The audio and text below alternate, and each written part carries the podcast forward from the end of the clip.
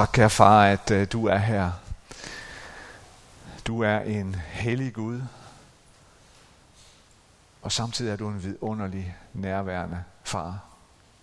Og tak fordi, at du møder os lige der, hvor vi er. Tak fordi du elsker os, sådan som vi er. Tal til os. Mød os. Mæt os med dit nærvær. I Jesu navn. Amen. Vi øh, er nået til den næst sidste prædiken i den her fælleskirkelige øh, prædikenserie, som, som hedder Pilgrim.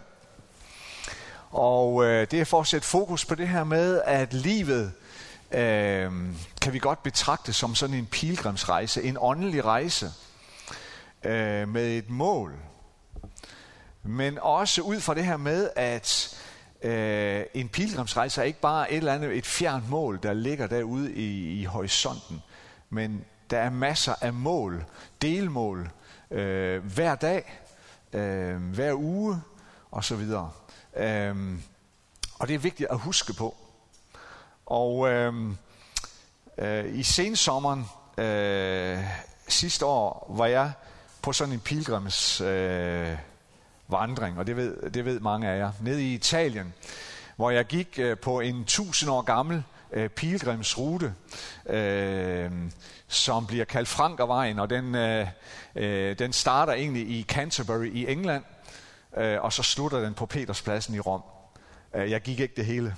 Øh, den er 2.000 km lang, men, men jeg gik de sidste 450 km fra Lucca og ned til, øh, og ned til Rom. Og den der, den tur var, øh, og det tror jeg, jeg har sagt til alle, der, der gider at høre på det, sikkert også til nogen, der ikke gider at høre på det mere, men, men øh, at den, den tur var nok sådan lidt en, selvom det er et stort ord, en uh, game, change, game changer i mit liv, tror jeg. Um, og, og, øh, og, og når jeg sådan tænker tilbage på det, så, så var det præcis det her med, at um, det, øh, øh det, det var faktisk, når jeg sådan tænker på alt det, jeg har oplevet, og igen og igen og igen, det gør jeg hele tiden.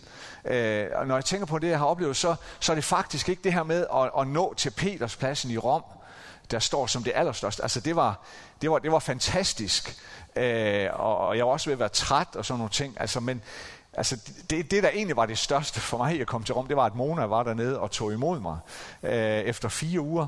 Øh, men, men, men, men, men men det, der som bliver ved med at vende tilbage, det er alt det, jeg har oplevet på, øh, på, på dagene frem imod Rom. Øh, stærke, stærke oplevelser, den ene der efter den anden. Og det minder mig om det her med, at som Mona var inde på i starten, at vi er alle sammen søgende. Den her pilgrimsvandring, øh, er, øh, det, er, det er dybest set en søgen sammen med Helligånden øh, hver dag. Øh, og øh, Øh, jeg, jeg, en af mine øh, favoritbands hedder U2, og, og, øh, og de har en sang, og jeg skal nok lade være med at spille. Jeg har spillet, jeg har brugt den før i prædikene her, så for ikke at trætte jer unødigt, så skal jeg nok lade være med at, at bede om at få den afspillet her i dag. Men de har en sang, hvor Bono han synger, Still haven't found what I'm looking for. Øh, og, og, øh, og Bono siger selv om den sang, at uh, it's a gospel song, siger han. Det er en evangelisk sang, og øh, hvor han jo, han jo også synger om det her med, han siger, øh, han siger i sangen, øh, you, broke, you broke my bonds and you lose the chains. Du, øh, du brød alt det, der binder. Du løsnede mine kæder, mine lænker. You carried the cross of my shame. Du bar korset af min skam. Um, you know I believed it. Du ved, jeg tror det. Og så siger han, but I still haven't found what I'm looking for. Og det er sådan en eller anden, en, en, øh, øh, sådan opfatter jeg det i hvert fald, en, en, øh, en konstatering af, at, at øh, vi er stadigvæk på en vandring. Og nogle gange så er det et skridt tilbage og et skridt frem, eller to skridt tilbage og et skridt frem. Og sådan, sådan, er, vores, sådan er vores liv, sådan, sådan ser det ud, sådan er det at være menneske. Øh, og der er, en, der er en drøm, der er, der er et håb, der er et mål derude og jeg kan se det, jeg kan ane det, og jeg ved, hvad der venter mig. Og jeg ved, hvad Jesus har gjort for mig. But I still haven't found what I'm looking for. Jeg mangler stadigvæk noget. Men det er okay. det er okay. Og Jesus han siger, det er okay. Kom, lad os være på den her vandring sammen. Og det tror jeg, at på den måde så er livet en pilgrimsrejse, en pilgrimsvandring, som Jesus inviterer dig ind i. Det kan være, at du er her og endnu ikke har sagt ja til at være på den her pilgrimsvandring. Eller det kan være, at du har været det i 50 år, uanset hvad Jesus han siger. Kom, lad os være på den her vandring sammen. Nu glemte jeg den der... Øh, den der. Vidste du, at øh, resultatet af verdens største spørgeskemaundersøgelse omkring menneskers åndelige og eksistentielle behov, den er netop blevet offentliggjort. Her for ikke så forfærdelig lang tid siden. Vidste du, at den her undersøgelse, den er dansk? Udarbejdet af forskere fra Syddansk Universitet. Og det er resultat af 25.000 mennesker, som har svaret øh, på nogle spørgsmål. Og resultaterne af undersøgelsen har skabt genlyd efter, at, øh, at resultaterne er blevet offentliggjort i et af verdens mest anerkendte øh, lægetidsskrifter, The Lancet Regional Health Europe hedder det. Og den her undersøgelse viser blandt andet, at 80 procent, 80 procent af de her 25.000 adspurgte, giver udtryk for at have behov for det åndelige i deres liv. 80 procent. 80 procent svarer ja til, at de inden for den sidste måned har mærket mindst et stærkt eller meget stærkt åndeligt behov. Og undersøgelsen øh, viser mange resultater på, at danskerne går op i deres åndelighed. At de har eksistentielle overvejelser, og de funderer dybt over deres tro. Og nok i langt højere grad, end vi tidligere har været klar over.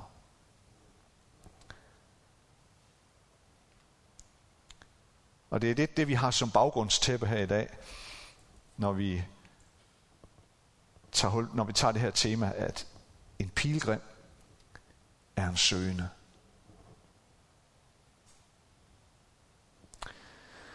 Jeg skal læse nogle vers fra Johannes evangelie, kapitel 3, og øh, fra vers 1. Der var et menneske, en af farisæerne, ved navn Nikodemus, medlem af jødernes råd. Han kom til Jesus om natten og sagde til ham, Rabbi, vi ved, du er en lærer, der er kommet fra Gud, for ingen kan gøre de tegn, du gør, uden at Gud er med ham. Jesus svarede ham, Sandelig, sandelig siger jeg dig, den der ikke bliver født på ny, kan ikke se Guds rige. Nikodemus sagde til ham, hvordan kan et menneske fødes, når det er gammelt? Det kan da ikke for anden gang komme ind i sin mors liv og fødes. Jesus svarede, Sandelig, sandelig siger jeg dig. Den, der ikke bliver født af vand og ånd, kan ikke komme ind i Guds rige. Det, der er født af kødet, er kød, og det, der er født af ånden, er ånd. Du skal ikke undre dig over, at jeg sagde til dig, I må fødes på ny. Vinden blæser, hvorhen den vil, og du hører den suse, men du ved ikke, hvor den kommer fra, og hvor den farer hen. Sådan er det med enhver, som er født af ånden. Nikodemus spurgte ham, hvordan kan det gå til? Jesus svarede, du er lærer i Israel og forstår ikke det.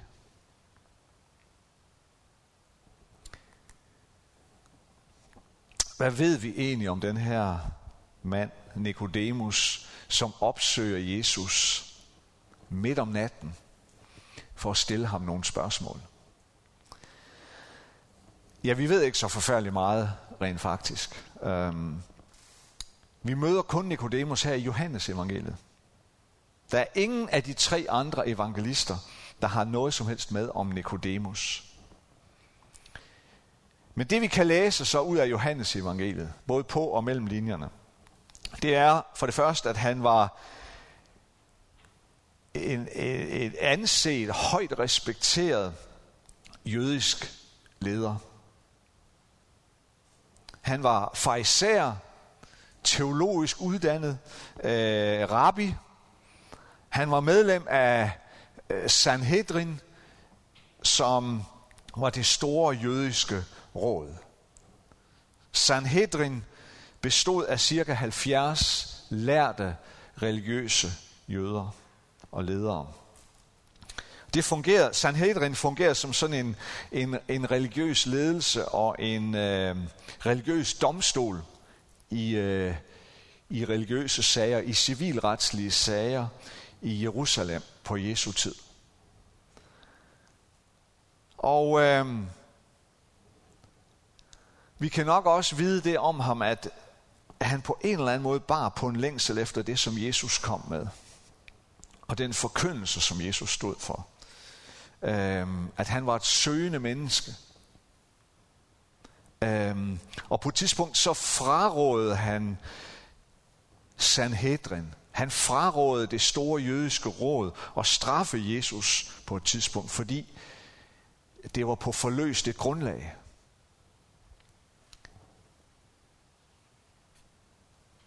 Og så må vi endelig også antage, at øh, Nikodemus var en øh, velhavende mand. Da Jesus stødte på korset, så gik Nikodemus sammen med en mand, der hed Josef af Arimathea. De to de gik sammen om at sikre, at Jesus fik en ordentlig jødisk begravelse efter korsfæstelsen.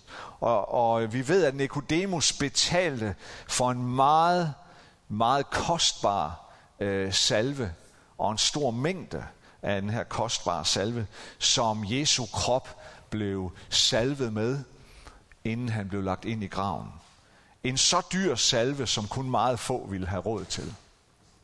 Så vi må formode, at, at den gode Nikodemus også havde penge på bogen. Og der kan så også være mange forskellige bud på, hvorfor øh, Nikodemus opsøger Jesus netop om natten. Øhm, det er jo en oplagt tanke, han gør det, fordi at han helst ikke vil opdages. Uh, han vil sikre sig, at så få som muligt så ham, og så, at han opsøgte Jesus. Men det er jo, gæt, det er jo gætteri, vi ved det ikke.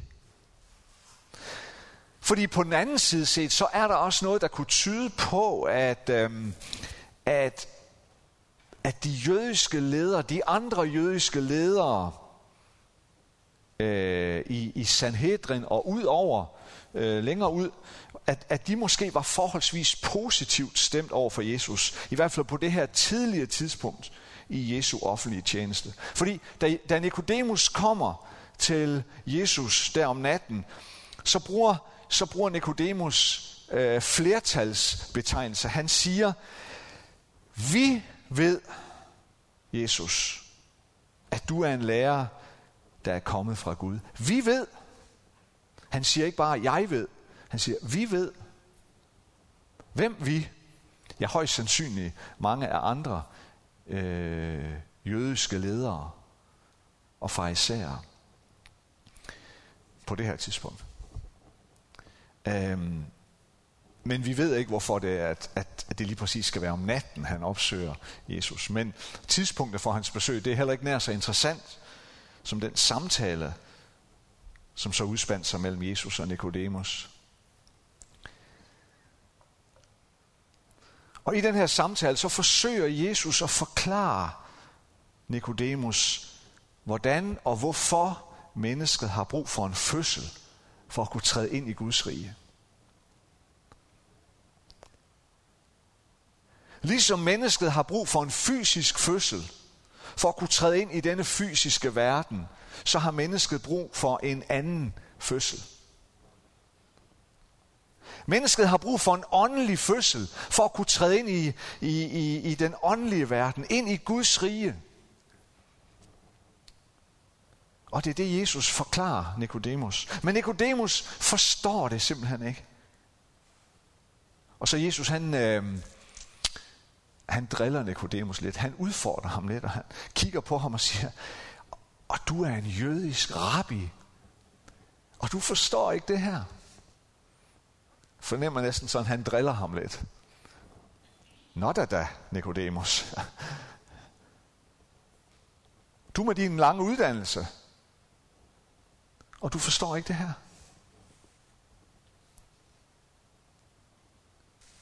Men Nikodemus han forstår ikke det her med at gå fra det fysiske til det åndelige. Han tænker kun fysisk, kun materialistisk. Fødes på ny. Fødes igen. Jamen Jesus, hvordan i alverden skal et menneske kunne komme ind i sin mors krop for at blive født endnu en gang? Han forstår det ikke. Men selvom det kan være svært at vide, hvad der var Nikodemus' motiv for at opsøge Jesus, så tror jeg i hvert fald godt, vi kan konkludere, at der var noget søgende hos ham. Han var et søgende menneske. Til trods for alt det, han havde lært, sin høje position, sin lange uddannelse, det at så mange mennesker opsøgte ham for råd og vejledning i, i, i, i åndelige og religiøse spørgsmål, så var han selv et menneske, der var kommet til den her konklusion, still haven't found what I'm looking for.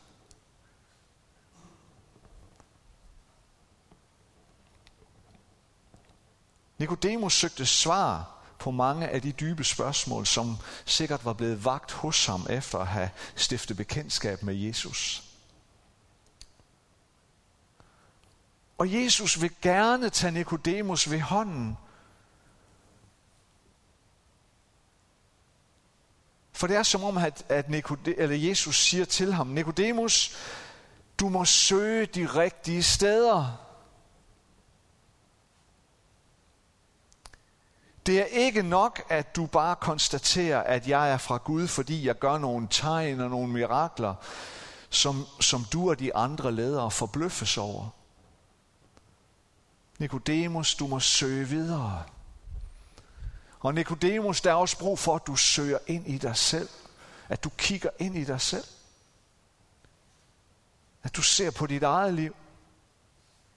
At du grænsker din egen sjæl. Dit eget hjerte. Det er ikke nok bare at begejstres over mirakler, Nikodemus. Der må simpelthen ske en ny fødsel. Du må forvandles indefra. Der må ske en åndelig nyfødsel. Og så giver Jesus et billede. Et måske sådan tilsyneladende lidt mærkeligt billede af, hvordan det er for mennesker, der bliver født på ny. Dem, der, bliver, dem, der får en åndelig nyfødsel. Og her bruger Jesus vinden som et billede.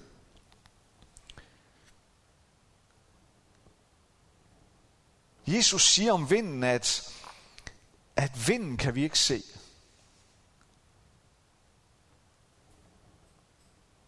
Men vi kan se, hvad vinden gør. Og vi kan høre, hvad vinden gør. Men vi kan ikke se den. Vi kan ikke se vinden, men vi kan se dens resultater, og vi kan høre dens resultater.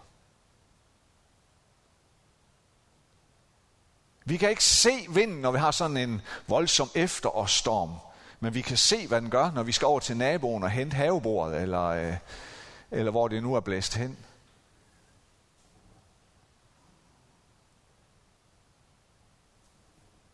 Vi kan høre vinden suse i trætoppene men vi kan ikke se den. Vi kan se træerne bøje sig fra den ene side, og så til den anden side, men se selve vinden, det kan ikke lade sig gøre.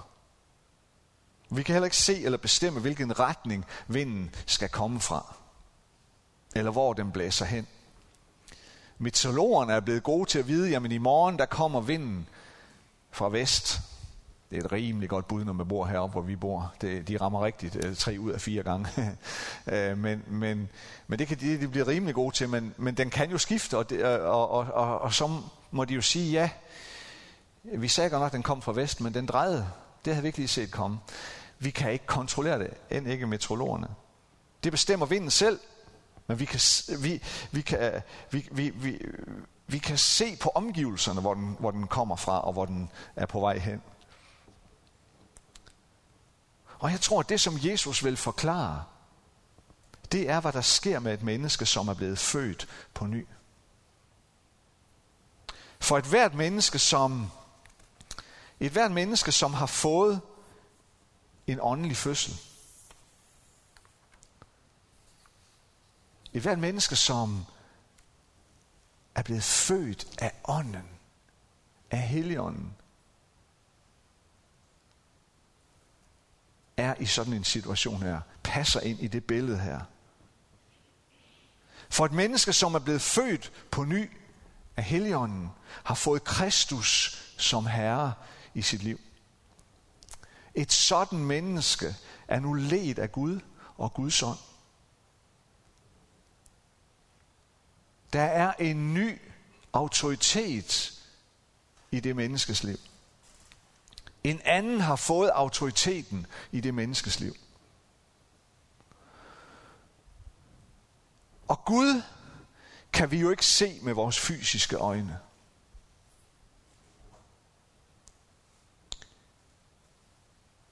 Du kan ikke se Gud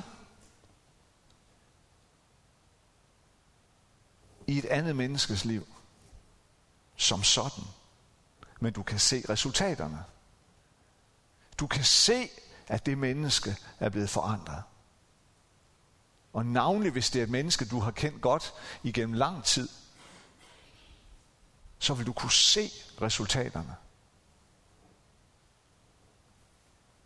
Du kan se, at det menneske nu er styret af helt andre kræfter end tidligere. Du kan se, at det menneske nu er formet og ledt og styret af en helt anden dagsorden, en helt anden agenda, en helt anden kraft end tidligere. Du kan ikke se,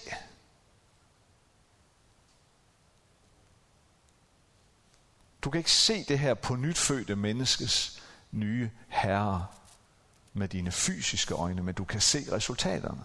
Er det ikke rigtigt? Det er en og meget tydeligt mange gange. Og jeg tror, det er det, som Jesus vil kommunikere til Nikodemus i den her nattetime, hvor de to mødes.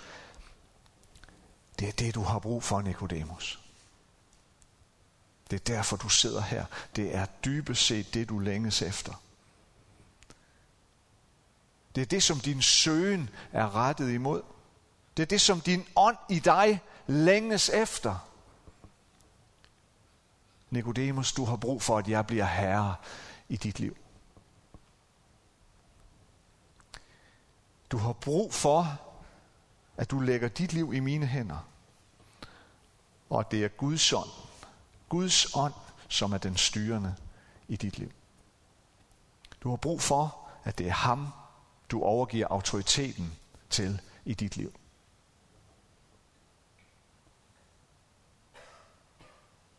Nikodemus' søgen havde indtil den her dag, indtil videre, bragt ham til at anerkende Jesus som en lærer, der var sendt af Gud.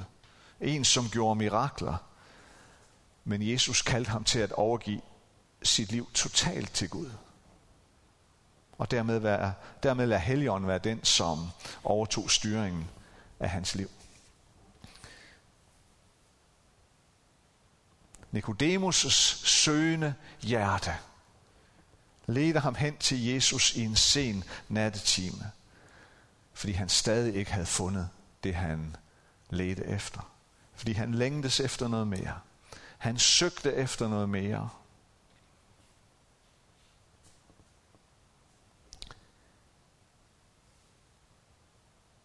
Og det kan jo ikke undre, når vi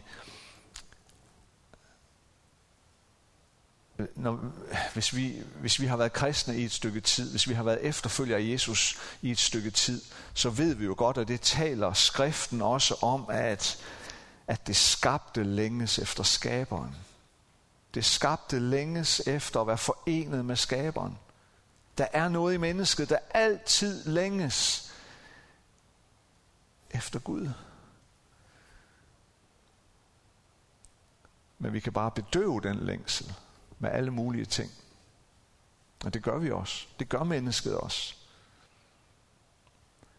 Men det kan jo ikke forbavse, at det er sådan, og at det, at, at, at det også er hos en Nikodemus. Det store spørgsmål, det var bare, om han var parat til at gå skridtet længere, end der, hvor han var gået til nu. Var han parat til at gå længere end blot at anerkende Jesus for hans mirakler, og for blot at se på ham som en god lærer, der var sendt af Gud? Var han parat til at gå længere? Det får vi ikke rigtig noget svar på. Og ligesom den her nye, kæmpe store undersøgelse om åndelighed og tro, den giver jo heller ikke svar på, hvor mange af de her 25.000, der er blevet spurgt, der er blevet født på ny, der har oplevet den her åndelige nyfødsel. Det ved vi ikke. Men et faktum er det, at Nikodemus var et søgende menneske. Et faktum er det, at op imod 80 procent af den danske befolkning er åben over for en åndelig dimension i deres liv. Det er da vildt. Og det fortæller i hvert fald noget til os her i dag. Det fortæller noget til os i kirken, i Danmark, at vi ikke behøver at være så bange. Vi behøver ikke at være så tilbageholdende med at spørge ind til menneskers åndelige liv.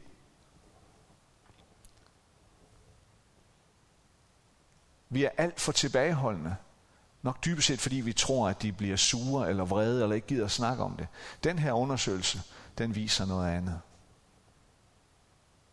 Det er i hvert fald noget, der kalder på os og udfordrer os til en større frimodighed i mødet med mennesker. Med naboen, med kollegaen, med studiekammeraten osv. Kan vi ikke bruge den her undersøgelse til andet, så kan vi i hvert fald bruge den til at blive opmuntret til at ture have en større frimodighed. Det er okay at snakke om det. Ja, rent faktisk er der mennesker, der længes efter, at du spørger til, hvordan er det med din sjæl? Vi har meget nemt ved at spørge, hvordan går det med din arm? Hvordan går det med din ryg? Hvordan går det med dine børn?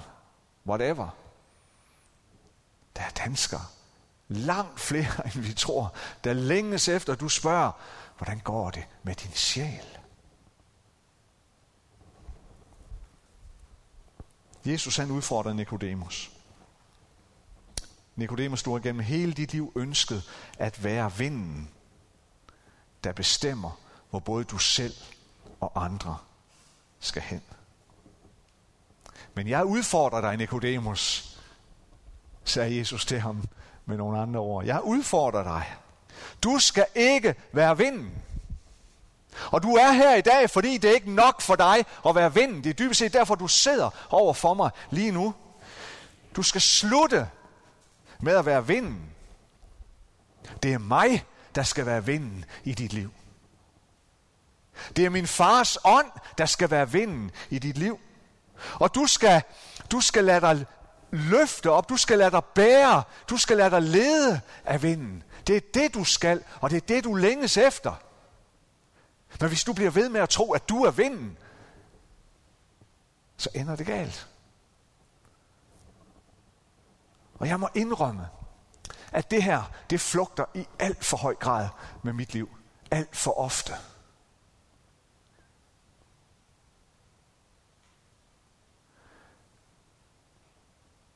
Hvor må jeg bare indrømme, at jeg alt for ofte forsøger at være vinden. I stedet for at sige til Gud, Gud, det er dig. Det er dig og ingen anden, der skal være vinden i mit liv. Bær mig. Løft mig op. Før mig derhen, hvor du vil. Det er derfor, Jesus han siger, sådan er det med enhver, der er født af ånden. Det er sådan en, der, der ikke ved, hvor han skal hen. Far derhen eller derhen. Hvorfor? Fordi han er ledt af Helligånden. Fordi han er ledt, han er løftet, han er båret af vinden.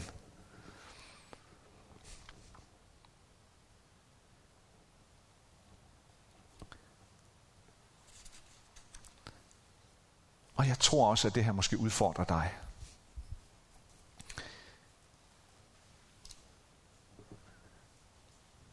Uanset om du har kunne fornemme den her søgen bare i kort tid, eller om du har vandret med Jesus i mange år. Ja, måske endda især i det sidste tilfælde. Så tror jeg, du kan genkende det her med kampen for at give slip på trang til, at du vil være vinden. Udfordringen i at give slip. Udfordringen det er i at sige, Jesus, vær du vinden i mit liv. Helligånd, vær du vinden i mit liv. Løft mig op, bær mig. Men det vil vi ikke. Det er det, der er problemet. Vi vil så gerne have fødderne stående solidt plantet på jorden og sige, det er mig, der er vinden, det er mig, der skal bestemme.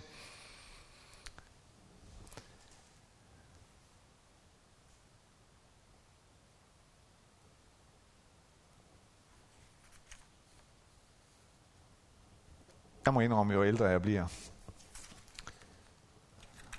Og det bliver jo bare værre og værre. Altså, så må jeg bare sige, at, at det ender galt for mig. Gang på gang på gang, når jeg forsøger at være vinden i mit eget liv.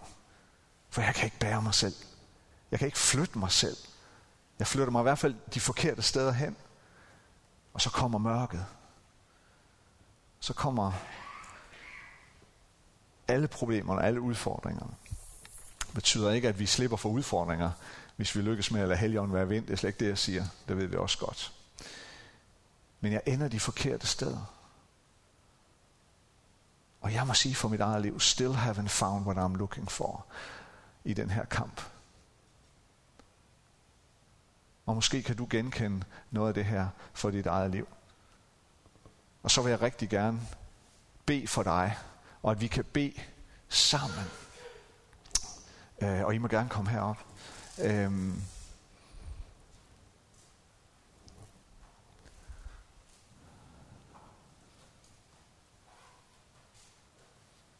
Og nu kunne jeg egentlig godt bare tænke mig, jeg tror vi skal gøre det sådan her i dag, jeg kunne egentlig bare godt tænke mig at udfordre jer alle sammen til at rejse jer op. Øhm, så lad os sammen tage sådan et, øh, bare det lille fysiske skridt, at vi rejser os op.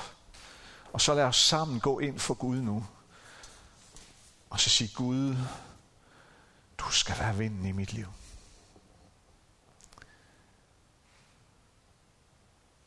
Jeg er træt af at være vinden. Jeg er træt af at prøve at være noget, jeg dybest set ikke kan. Men du er min ven. Du er vinden, der bærer mig, og skal være vinden, der bærer mig. Jeg forstår ikke altid, hvorfor jeg bliver båret den vej, når jeg egentlig hellere vil den anden vej. Men du skal gøre det, du skal være det, fordi kun du ved, og kun du forstår fuldt ud. Lad os bede sammen.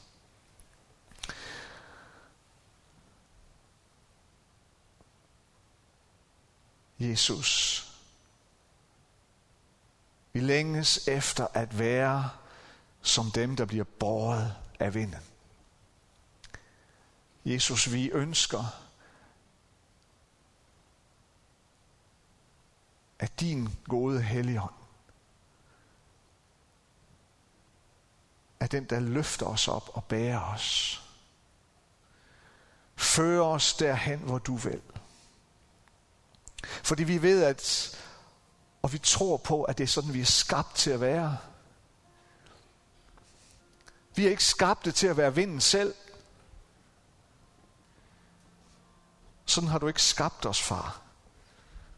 Du har skabt os til at være mennesker, der hver dag lægger sit liv i dine stærke fader hænder.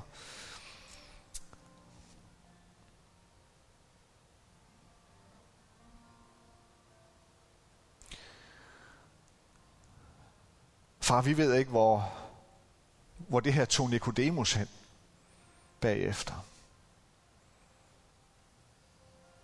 Og det kan vi heller ikke gøre noget ved, men, men vi kan gøre noget ved vores eget liv.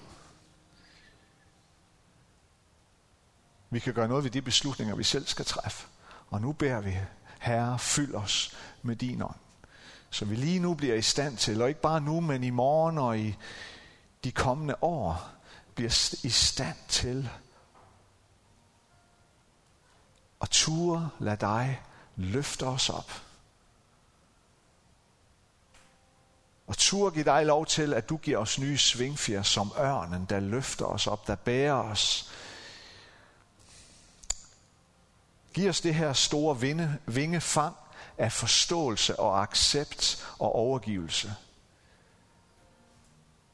Så du ved din helligånds vind kan løfte os op, bære os og forløse det i os, som du ønsker. Det beder vi om noget til i Jesu navn. Amen.